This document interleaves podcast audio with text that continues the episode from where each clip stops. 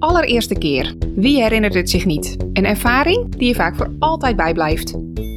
Iedereen heeft wel een verhaal bij zijn eerste keer. De eerste keer op reis wel te verstaan en alle eerste keren die daarmee gepaard gaan. Die eerste keer schade met je zelf omgebouwde campervan. Die eerste keer wild kamperen in plaats van een plekje op de camping. De eerste keer heimwee, voor het eerst die klop of de eerste keer terug naar huis of juist nooit meer weg willen. Van Verhalen presenteert daarom de Eerste Keerkast. In deze serie spreken we bus- en camper-eigenaren over hun eerste keren in hun huis op wielen. Met in deze aflevering Pim. En Annie. In aflevering 8 horen we Pim en Annie. In oktober 2020 zouden ze eigenlijk op wereldreis, maar toen dat niet door kon gaan, kochten ze een Volkswagen camperbus voor de uitvoering van hun plan B. Fanlife in Europa.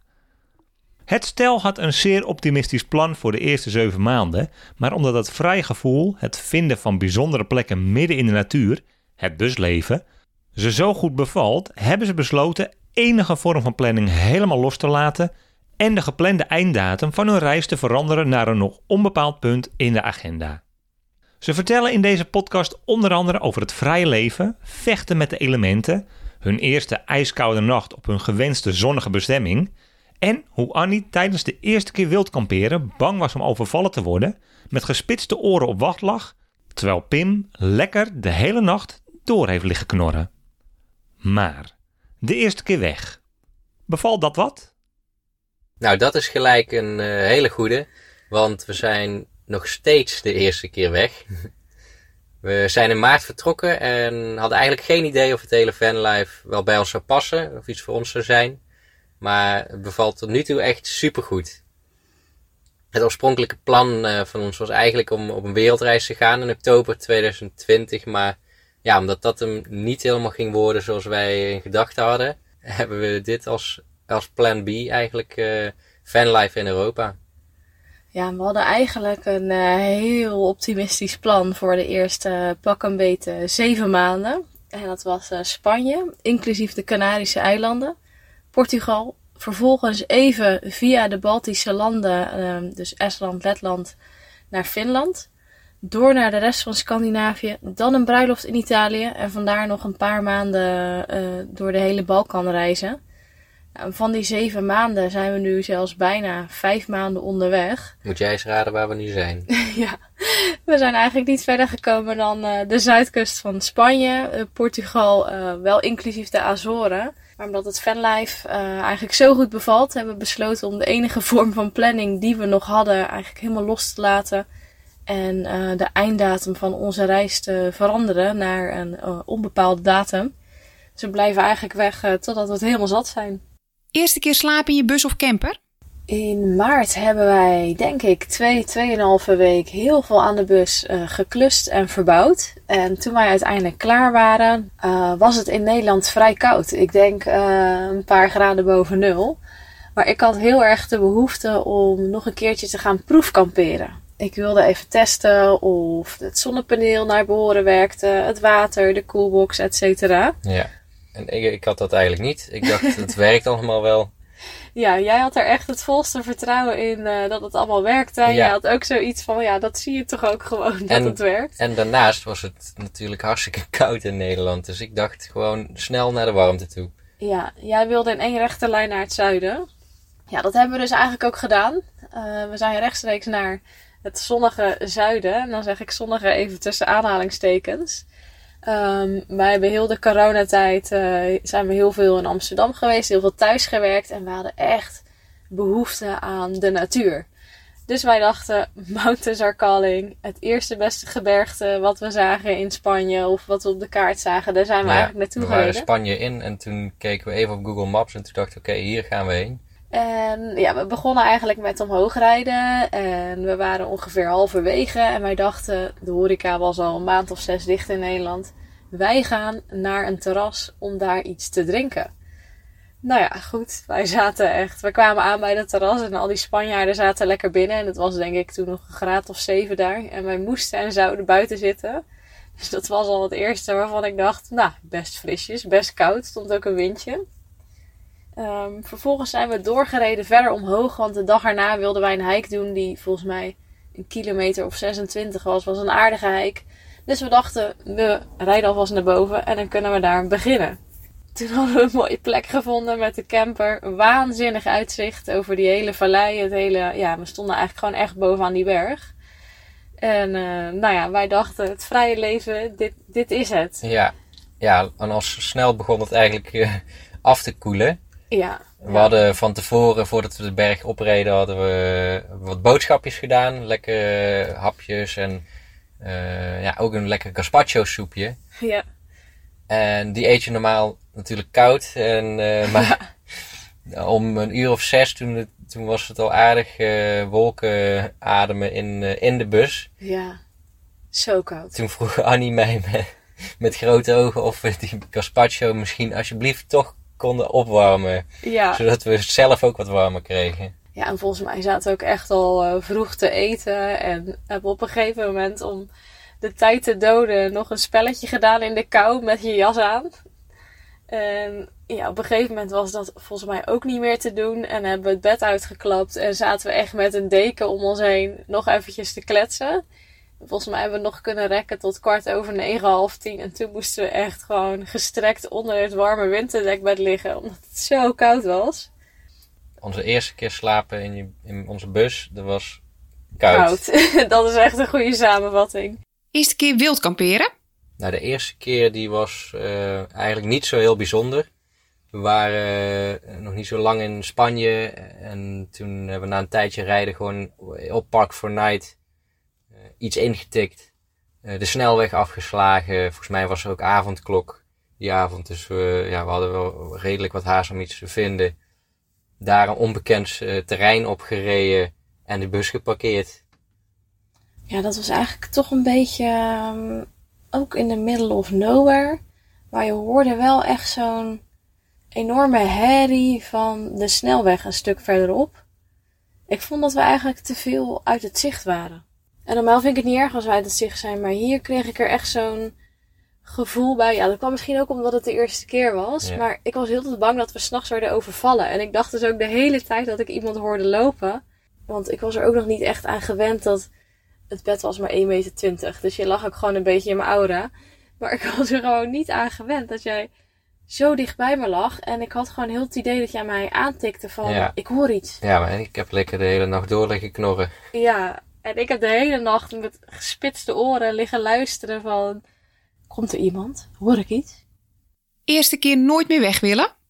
Ja, dat vind ik eigenlijk wel een lastige vraag. Er waren natuurlijk wel prachtige plekken waar we langer zijn gebleven. Ook langer zijn gebleven dan gepland. Maar na een aantal dagen eh, ja, riep toch het avontuur weer.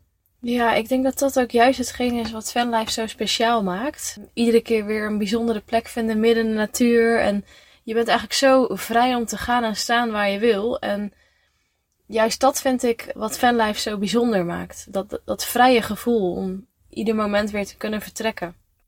Eerste keer niet blij met je slaapplek?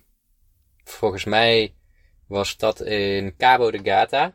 Ja, Cabo de Gata, dat is eigenlijk een eh, plek in the middle of nowhere aan de kust. Ja, eigenlijk compleet ook buiten de stad. Het, je moet je een beetje bij voorstellen, aan de linkerkant eh, zie je zee en zie je kust. Dan loopt er een soort van onverharde weg doorheen. Wel heel breed, met heel veel eh, stenen. En rechts ja, begint weer een soort van maanlandschap, gebergte. Het is heel mooi, maar het is heel uitgestrekt. Dus wij hebben een mooie plek uitgekozen op Park for Night. En daar zagen we al bij de plek die het verste van het dichtstbijzijnde dorpje aflag. Ja, wat slechte recensies. Hè? Ja. Dat er, Dat er ingebroken was bij eh, verschillende mensen. En soms ook ramen ingetikt. ja, Maar ja, wij dachten, we, ga- we gaan dan iets dichter bij het dorpje. Eh, daar stonden ook, ook al een aantal busjes. Dus wij hadden het plekje al een beetje verkend. Eh, gingen toen even wat eten in het dorpje. En kwamen toen terug in het pikken donker. Dat was sowieso al een hele rit daar naartoe. ja. Over een onverharde weg. Nou ja, we komen daar en al die busjes waren weg. ja, al die servicebusjes waren weg inderdaad. Er was helemaal niemand meer. Nee, Dus toen dachten wij al van, ja, wat nu? Gaan we nu weer helemaal terugrijden Ja. naar dat dorp? Maar dat het was voelt meestal toch wat veiliger als er ook mensen bij staan. En als je dan helemaal Ja. in, in je eentje staat, dan denk je toch gauw van oei, moeten we dat wel doen? Toen, toen hebben we het even aangekeken. Het was wel een super mooie locatie. Je zag de Ja. sterren heel goed. Maar na een aantal minuten, toen kwam er al een personenauto die Ja. naast ons parkeerde. Zo vaag was dat. Ja, die parkeerde en er stapte een man uit en die verdween een soort van in het donker. Maar er is daar verder helemaal niks. Dus dat is sowieso al raar. Je komt ergens in het donker aanrijden, je verdwijnt. eh, Waar naartoe? Ja, En ja, dan moet je eigenlijk wel gewoon je intuïtie volgen. Alles in ons zei van met gierende banden hier weg. En ja, dat hebben we dat hebben we eigenlijk. ook gedaan. Ja, dat Ja. hebben we wel gedaan. Maar dat was wel weer een hele onderneming. Want dan moet je weer 20 minuten over dat onverharde pad met die stenen. Ja, we zijn toen naar de andere kant van het dorpje gereden. Ja, Maar we hadden wel buurtjes naast ons staan. En dat gaf ons denk ik wel een beetje een, ja, een veilig gevoel. Ja, alleen er stond, we stonden dus op, de, op een soort van rand van een klif. En er stond voor mijn gevoel echt windkracht 12. Ja, Het was echt niet normaal. En ik dacht echt dat die zonnepanelen gewoon van het dak gerukt zouden worden. ja. Het was En- niet ideaal, maar het was wel een betere spot dan eh, Ja, daarvoor. maar we hebben het wel de hele nacht volgehouden. Ja. En s ochtends zijn we ook echt eh, ja, meteen weer weggegaan daar. Gelukkig zat het zonnepaneel er nog op. Eerste keer schade? Gelukkig hebben we aan de buitenkant van de bus nog eh, niet echt schade gereden. Maar het was, een aantal keer was het wel redelijk close. Ja, Ja, zo waren we een keer in, eh, in de buurt van Granada. Smalle weg, steil en eh, Annie navigeerde. Toch ging het fout. ja. Ik had één taak. Dus wij eh, rijden fout en we moesten dus naar een doodlopende weg. Dus we moesten keren. En ik ben natuurlijk weer de positiviteit zelf. Dus ik zei, geen probleem joh, dat regelen we wel even. Ik spring eruit, ik help wel even met aanwijzingen geven.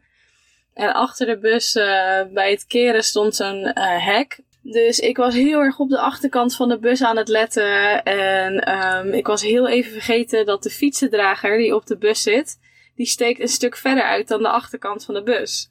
Dus de fietsendrager die haakte als het ware in de rastering van dat hek.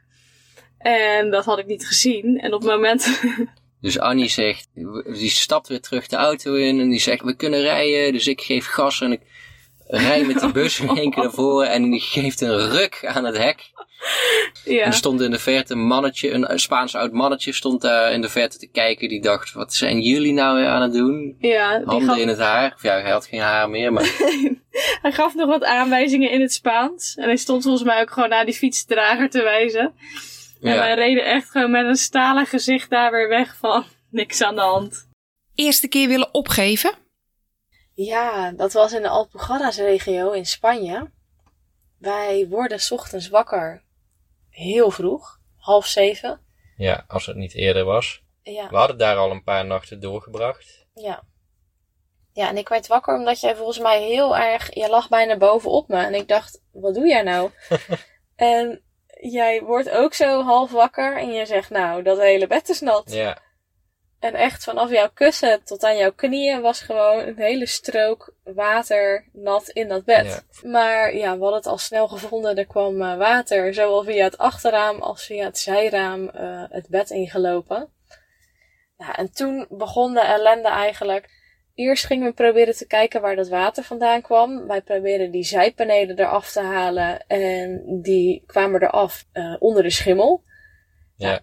Eh, wij dachten, we moeten eruit. Het erge was, het hield niet op met regenen. Nee. Dus het was ook niet dat we het aan de buitenkant konden maken of oplossen of dat het opdroogde. Het bleef Nee. ja, de hele dag regen en het, Dus ik zei, er is daar in de verte een soort van hotelletje, pensionnetje. Laten we daar gaan kijken of we daar even droog kunnen zitten. En nou, die deur was dicht en gelukkig konden we aan de zijkant, was een soort van cafetaria, konden we naar binnen. En daar hebben we eigenlijk de hele dag een beetje zitten kaarten. En ik weet nog dat in Nederland was het op dat moment Koningsdag. Dus elke keer, je besluit ook, oké, niet op Instagram kijken, want dan voel je alleen maar eh, ongelukkiger. Maar elke keer als ik het opende, ja, natuurlijk super leuk voor onze vrienden, want het was eindelijk weer zonnig in Nederland en het was weer tijd voor een feestje. En onze hele tijdlijn op Insta, die kleurde oranje en al onze vrienden happy. En ja, toen had ik echt zo'n heimwee moment en toen dacht ik echt, wat een armoe in die camper en wat doen we hier? En ja, de dag heeft volgens mij nog nooit zo lang geduurd. nee, nee. Toen wilde ik wel echt kappen ermee. Eerste keer iets verbeterd aan je bus? Nou, we hebben natuurlijk die twee ramen achterin die lekten. Dus die hebben we zelf eh, provisorisch gefixt met wat duct tape. Ja, en daarmee dachten we eigenlijk dat het probleem verholpen zou zijn. En dat was het op zich ook wel. Maar tijdens het rijden, toen uh, waren volgens mij een podcast of muziek aan het luisteren. En je kent het wel, als de muziek ineens stilvalt, hoor je ineens geluiden die je eerder niet hoorde. En ik keek Pim echt aan van, wat is dat ratelende geluid? En toen zei hij... Ja, ik zeg, ja, dat hoorde ik al de hele tijd, joh. Maar het viel allemaal mee. Het bleek gewoon dat een stukken duct tape er half aan hing. En uh, ja, de hele bus hing natuurlijk van duct tape aan elkaar. Maar dus ja, het is soort van uh, gefixt, maar uh, toch ook weer niet. Verder hadden wij, om wat sfeer te creëren, nog echte wijnglazen van glas meegenomen vanuit Nederland. Dat drinkt toch wat fancier dan uit zo'n plastic bekertje.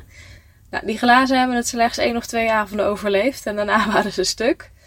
Dus toen de ouders van Pim uh, richting Portugal kwamen, hebben zij uh, voor ons echte wijnglazen van hard plastic meegenomen. Nou, dat is een echte must-have voor iedere vanlifer. Dus dat was een uh, hele goede verbetering en investering in de bus. In deze eerste keerkast hoor je het verhaal van Annie en Pim. Benieuwd naar de gezichten bij het verhaal? Vind ze op instagram.com slash pim and anywhere we go. Mooi met puntjes tussen alle woorden. Benieuwd naar ons? Floor en Thijs? Wij zijn instagram.com slash van verhalen. Vond je dit een leuke aflevering? Benieuwd naar nog veel meer fan- en camperlijf verhalen of onze reguliere Van Verhalen reis- en fanlifestyle podcast? Vind Van Verhalen in je favoriete podcast app, abonneer je, volg ons, luister alles terug en mis geen volgende aflevering. Luister jij nu toevallig via Apple Podcasts en spaar jij toevallig karmapunten? Laat dan vooral een leuk berichtje en wat sterren bij ons achter. Dit zorgt ervoor dat wij nog iets beter gevonden worden en onze verhalen nog iets beter kwijt kunnen. Leuk dat je luisterde en tot de volgende!